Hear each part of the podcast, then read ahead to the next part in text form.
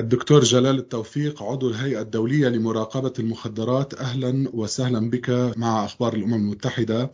أولا لماذا اختارت الهيئة التركيز على موضوع تقنين القنب في أحدث تقاريرها؟ شكرا جزيلا على الاستضافة وعلى الدعوة الكريمة. لأنه لاحظنا أنه منذ سنوات الآن بدأت بعض الدول وبدأت أمريكا يعني أمريكا الجنوبية وأمريكا الشمالية لكن بدأت بعض الدول تحري يعني نفس الطريق نحو تقنين استعمال القنب لأغراض غير طبية. وهو كما تعلمون يعني مشكلة اللي هي ضد الاتفاقيات والمعاهدات يعني اتفاقيات مراقبة المخدرات فلاحظت الهيئة أنه تقنين عرض القنب واستعماله لأغراض غير طبية وغير علمية ينتهك هذه الاتفاقيات. فكان بود الهيئة أنه يعني تخصص الفصل المواضيعي الأول وما يسمى تشابتر 1 لهذا الموضوع بالذات في هذه السنة. فقط للتوضيح دكتور ما هو القنب وما الأسماء الشائعة الأخرى له؟ لأن الاسم قد لا يكون مفهوما لدى البعض. والله الأخ كريم يعني سؤال وجيه جدا. لماذا وجيه جدا؟ لأنه المشكل الأكبر في القنب هو مشكل يعني المفاهيم والأسماء يعني الترمينولوجي ماذا نستعمل كأسماء للقنب؟ القنب هو نضع في اسم القنب نضع فيه سلة مفاهيم وسلة مواد وسلة مشتقات مختلفة جدا. ومع ذلك نلقي عليها لقب القنب ونتكلم عن القنب لما نتكلم عليها وهي مختلفة جدا. فالقنب في الأساس هو نبتة وهذه النبتة الطبيعية فيها يعني المشتقات فيها مركزات. مشتقات اللي هي عندها تأثير على الدماغ وتأثير يعني على النفسية للشخص. وتعطي الإدمان وعندها أيضا تأثيرات طبية أخرى وجسدية ودماغية أخرى اللي فيها يعني بعض من التسمم وفي بعض من في الحالات تكون يمكن أن تكون خطر على الشخص.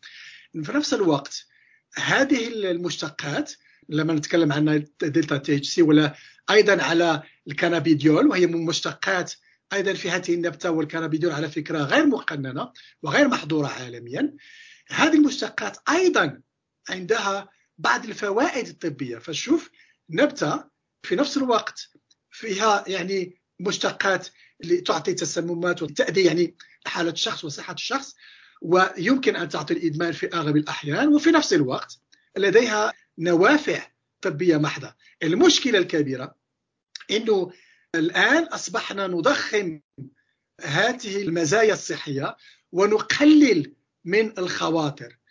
يصبح من الخطورة عفوا.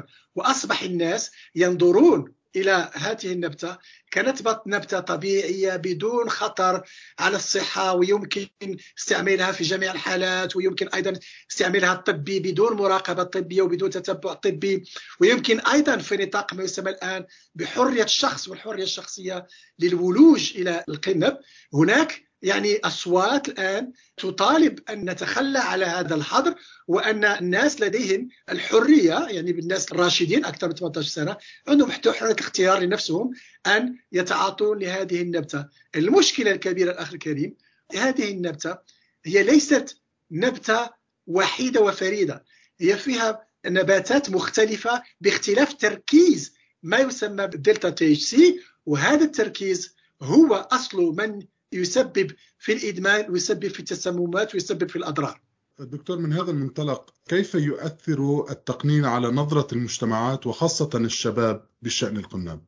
مرة أخرى يعني سؤال والله في محله لأنه لما الآن ننظر لجميع الدراسات ماذا نلاحظ؟ نلاحظ أنه تقنين القنب الهندي لأغراض غير طبية وغير علمية وهو ما يتناقض مع الاتفاقيات ماذا يعطي؟ يعطي منظور عند الشباب بأنه بما أننا قننا هذا القنب وسمحنا للناس استعماله خارج عن النطاق الطبي والعلمي. فإذا هذه النبتة غير غير خطيرة ولا تشكل أي خطر. فمن هنا نلاحظ بأنه أولا الاستعمال عند الشباب أصبح الآن يتنامى ويتفاقم في جميع الدول التي صرحت للاستعمال غير الطبي وغير المشروع يعني وغير وغير العلمي ومن جانب آخر لما مثلا تضع السؤال على على المراهقين وعلى الشباب ما هي رؤيتكم للخطورة هذه المادة؟ فالآن نشوف بأنه الاغلبيه الشباب الآن لا تعتبر أن هذه النبتة أو لا مشتقات النبتة تكون خطورة عليهم ولا يعتبرون أن هناك فيها ضرر للصحة. فلهذا نحن ننظر إلى تصاعد الاستعمال عند الشباب بغض النظر على أنه يعني هذا المبرر عند الدول اللي كتقول لك وي نحن نسمح باستعمال القنب ولكن لفوق 18 سنة لكن لما توجه خطاب لفوق من 18 سنة بإمكانية الاستعمال بغير تتبع طبي وخارج نطاق الاتفاقيات فهذا خطاب توجه للشباب وتقول لهم بأنه هذا بصفة غير مباشرة بأنه هذه النبتة ومشتقاتها ليست خطيرة. دكتور يفرق التقرير بين إلغاء التجريم وإلغاء العقوبة المتعلقة بالقناب. هل لك أن تفسر لنا الفرق بين هذين المفهومين؟ هناك ثلاث مفاهيم أخي الكريم إذا سمحت لي. كاين هناك legalization for non-medical purposes يعني أنه تصريح للاستعمال غير الطبي وغير العلمي واستعمال ترفيهي هذا هو ما يحصل الآن في بعض الدول وهذا هو ما قلت لك يعني هو متناقض تماما مع اتفاقيات والمعاهدات مراقبة المخدرات. وهذا يعني بالنسبة للهيئة فهو يعني منحى خطير لأن الشباب الآن يعتمدون يؤسسون حكمهم على هذه القضية. إلغاء التجريم فهو decriminalization أنه لا يصبح جريمة أن يكون بحيازة شخص لاستعماله الشخصي أن يكون بحيازة القنب الهندي ما هي المزايا من إلغاء التجريم وهي أنه ما فيش تتبع قضائي متابعة قضائية وما فيش وضع في السجون وما فيش تكلفة كبيرة لهذا المنحى التجريمي. يمكن مثلا أنه القاضي يمكن مثلا أن يقضي بعقوبة مثلا بغرامة أو مثلا بعمل ما يسمى community سيرفيسز عمل جماعي أو في مصلحة الوطن أو لا في فهذه هذه يمكن تكون عقوبات من هذا الشكل.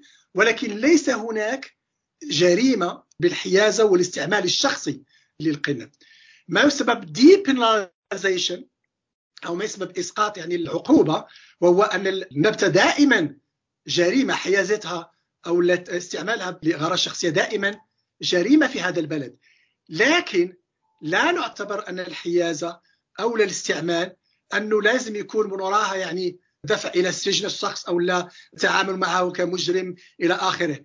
في كلا الحالتين في الحالة الأولى المخدر يبقى جريمة لكن نتخلص من كل ما هو المتابعات قضائية إلى آخره وهذه ديبرناليزيشن ونوجه الشخص إلى العلاج مثلا ما يسمى ببدائل آه، المتابعة القضائية. وأما بإلغاء الجريمة إسقاط الجريمة فديكريمناليزيشن فاصلا في القانون الحيازه للتعاطي الشخصي والاستعمال الشخصي لا تصبح جريمة ولكن ومع ذلك لإغراض صحية فلما الشخص يرصد بحيازة فيمكن مثلا أن السلطات توجهه مثلا إلى العلاج أو لا إلى مثلا سياسة توعوية يمكن أن يستفيد منها ولكن لا يبقى هناك جريمة. والمقاربتان لهما مزايا كبيرة.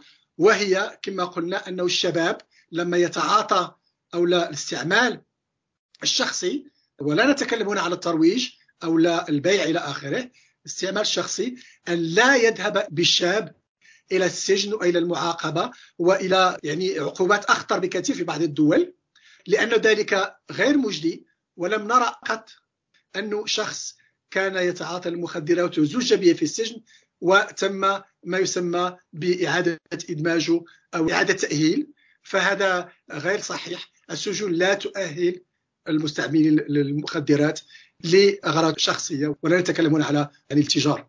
شكرا دكتور. سوف أنتقل الآن إلى التقرير الخاص آه، حول ضمان سبل الحصول على المواد الخاضعة للمراقبة الدولية للأغراض الطبية والعلمية. ما هي أهم العقبات التي تحول دون وصول الدول منخفضة ومتوسطة الدخل لهذه المواد؟ وما تأثير ذلك على المرضى الذين هم بأمس الحاجة لهذه الأدوية؟ والله الأخ الكريم يعني هناك يعني غياب عدالة في العالم بالنسبة لهذا المشكل والهيئة يعني متأسفة لهذا لأنه كان هناك عدم إنصاف يعني سائد في أغلب الدول النامية. في مدى توفر هذه الدول على المواد الخاضعة للمراقبة الدولية وذلك لإغراض يعني طبيه مشروعة وعلميه مشروعة. وحتى في بعض الدول المتقدمة يظل هذا التوفر على هذه المواد أو توافر هذه المواد غير كافية. من الغريب انه في الدول المتقدمة والراقية نشوف أن هناك إفراط في استعمال هذه المواد المحظورة وخصوصا بالنسبة للألم. وبالنسبه أيضا لأمراض السرطان في المرحلة النهائية إلى آخره. وهناك إفراط وهناك تجاوزات كبيرة جدا تؤدي إلى إدمان وإلى تبعات إدمان ومنها التسممات والموت بحيث أنه في بلدان أخرى نامية للأسف الشديد يبقى المرضى بعيدين كل البعد على الولوج والحصول على هذه المواد لمضادة الألم. وللأسف الشديد حتى لا يترك كما نقول حتى لا يترك أي مريض خلف الركب فلازم أن يكون هناك تقدم نحرص تقدم في العالم في ضمان سبل الحصول على كميات كافية من هذه المواد الخاضعة للمراقبة الدولية لأغراض طبية وعلمية. وهناك جدوى التدريب وتعليم للموارد البشرية المؤهلة وخصوصا الأطباء وأيضا تحسين جودة الولوج إلى المعلومة السليمة وأيضا إلى السلوكات يعني الوصفات في هذه الدول وأيضا تحسين تحسيس العاملين في القطاع الصحي وخصوصا صناع القرار الذين هم في بعض الأحيان ما عندهمش دراية وما عندهمش إحساس بهذا المشكل الذي للأسف الشديد يكلف كثيرا وخصوصا يعني الناس ضعاف الموارد المادية وضعاف الولوج إلى هذه الخدمات. دكتور ما الذي يمكن فعله لسد هذه الفجوة ولكسر هذا عدم الانصاف الذي تتكلم عنه؟ أنا في نظري هو مشكل اولا منظور في بعض الدول النامية الآن لما تنظر إلى ما يحصل في الولايات المتحدة الأمريكية وكندا فهناك يعني بعض التردد وحتى بعض الرفض لأنه هذه المواد تكون يعني موجودة بكثرة في البلدان. ثانيا كما قلت لك الموارد البشرية المؤهلة الأطباء المؤهلين. تعرف أن في عدة بلدان من الدول النامية ليس هناك أطباء مختصين في الألم. ليس هناك أيضا حتى في الإنعاش في قسم الإنعاش في وحدات السرطان ليس هناك أناس مؤهلين. لأن وصف هذه الأدوية يتأسس على قدرات وعلى يعني تدريب. وعلى تكوين خاص. وهذا المشكل الكبير هو المشكل الذي نراه الآن في البلدان النامية. فهناك تخوف تردد وهناك عدم وجود موارد بشرية مؤهلة وعدم أيضا تحسيس كافي لصناع القرار ما يسمى بالصحه العمومية في هذه البلدان لإيجاد ولاتاحه الفرصة للناس للولوج لهذه المواد الخاضعة للمراقبة الدولية وذلك للأغراض الطبية التي تكلمت عليها كالألم كمثال وهو المثال الأكثر شيوعا. دكتور أليس التردد مشروعا إلى حد ما بما أنه ليس هناك القدرات الكافية لدى هذه الدول لضبط هذه المواد وهو الأخ الكريم هذا من منظور الصحة العمومية لا يقبل لأنه هناك حقوق إنسان والشخص من حقوقه الولوج لاحسن ما يمكن أن تقدمه الدولة. فإحنا لا نتكلم عن الكم هنا نتكلم عن الكيف. فبعض الدول لما يكون هناك إرادة سياسية وتبدأ شوف الكوفيد مثلا شوف كيف تعاملنا مع الكوفيد حتى في البلدان الفقيرة والنامية حيث أنه صناع القرار السياسي. كان هناك ضغط كبير وكان هناك إحساس بأنه مسؤولية وهذه من مسؤوليات الدول حتى دستوريا في أكثر الدول أن تكون هناك اولا الولوج إلى المعرفة والمعرفة الناس لازم يعرفوا أنه لما يكون شخص بيعاني بمرض مؤلم جدا أنه من حقه يعرف أن هناك بدائل وأن هناك أدوية لتقليل من المرض وخصوصا ما يسمى في الألم الحاد. أنا لا أتكلم على الألم المزمن وهذا خطر كبير لما نوصف هذه الأدوية في المرض المزمن لأن هناك الإدمان من بعض لكن اذا الولوج للمعرفه ومن وراء الولوج المعرفة الدراية والدراية هي التي تحرك الناس وتحرك يعني وضع هذا المشكل كأولى من الأولويات على طاولة الصحة العمومية في هذه البلدان لأنه لا تكلف كثيرا وتكوين الناس لا يكلف كثيرا. فيمكن مثلا أن طبيب نفساني أنه مثلا يعمل بريسكريبشن وصف طبيب في الإنعاش يمكن طبيب عام يمكن أنه يوصف هذه الأدوية.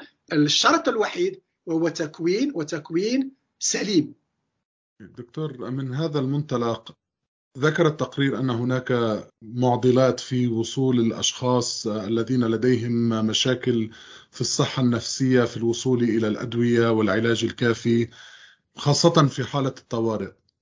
ما هي الإجراءات التي يجب اتخاذها لضمان حصول هؤلاء الناس على العلاجات والأدوية الكافية؟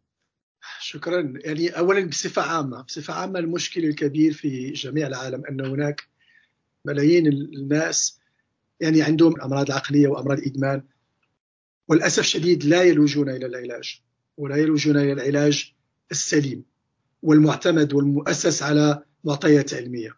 نتكلم على شخص عنده إدمان من خمس أشخاص والوحيد الذي يلوج إلى خدمات مناسبة.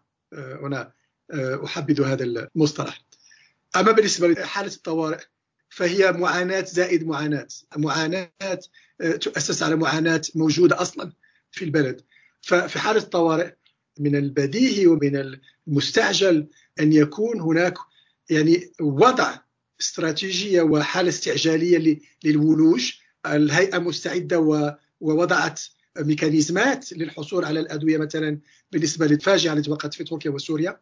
بحيث أنه في غضون 24 ساعة من بداية المشكلة الهيئة وضعت ميكانيزمات لتوفير تراخيص اللازمة لاقتناء تركيا وسوريا والولوج إلى هذه الأدوية المحظورة واللي مهمة جدا في حالة الطوارئ وخصوصا الأدوية المسكنة والأدوية المهدئة وأدوية الألم.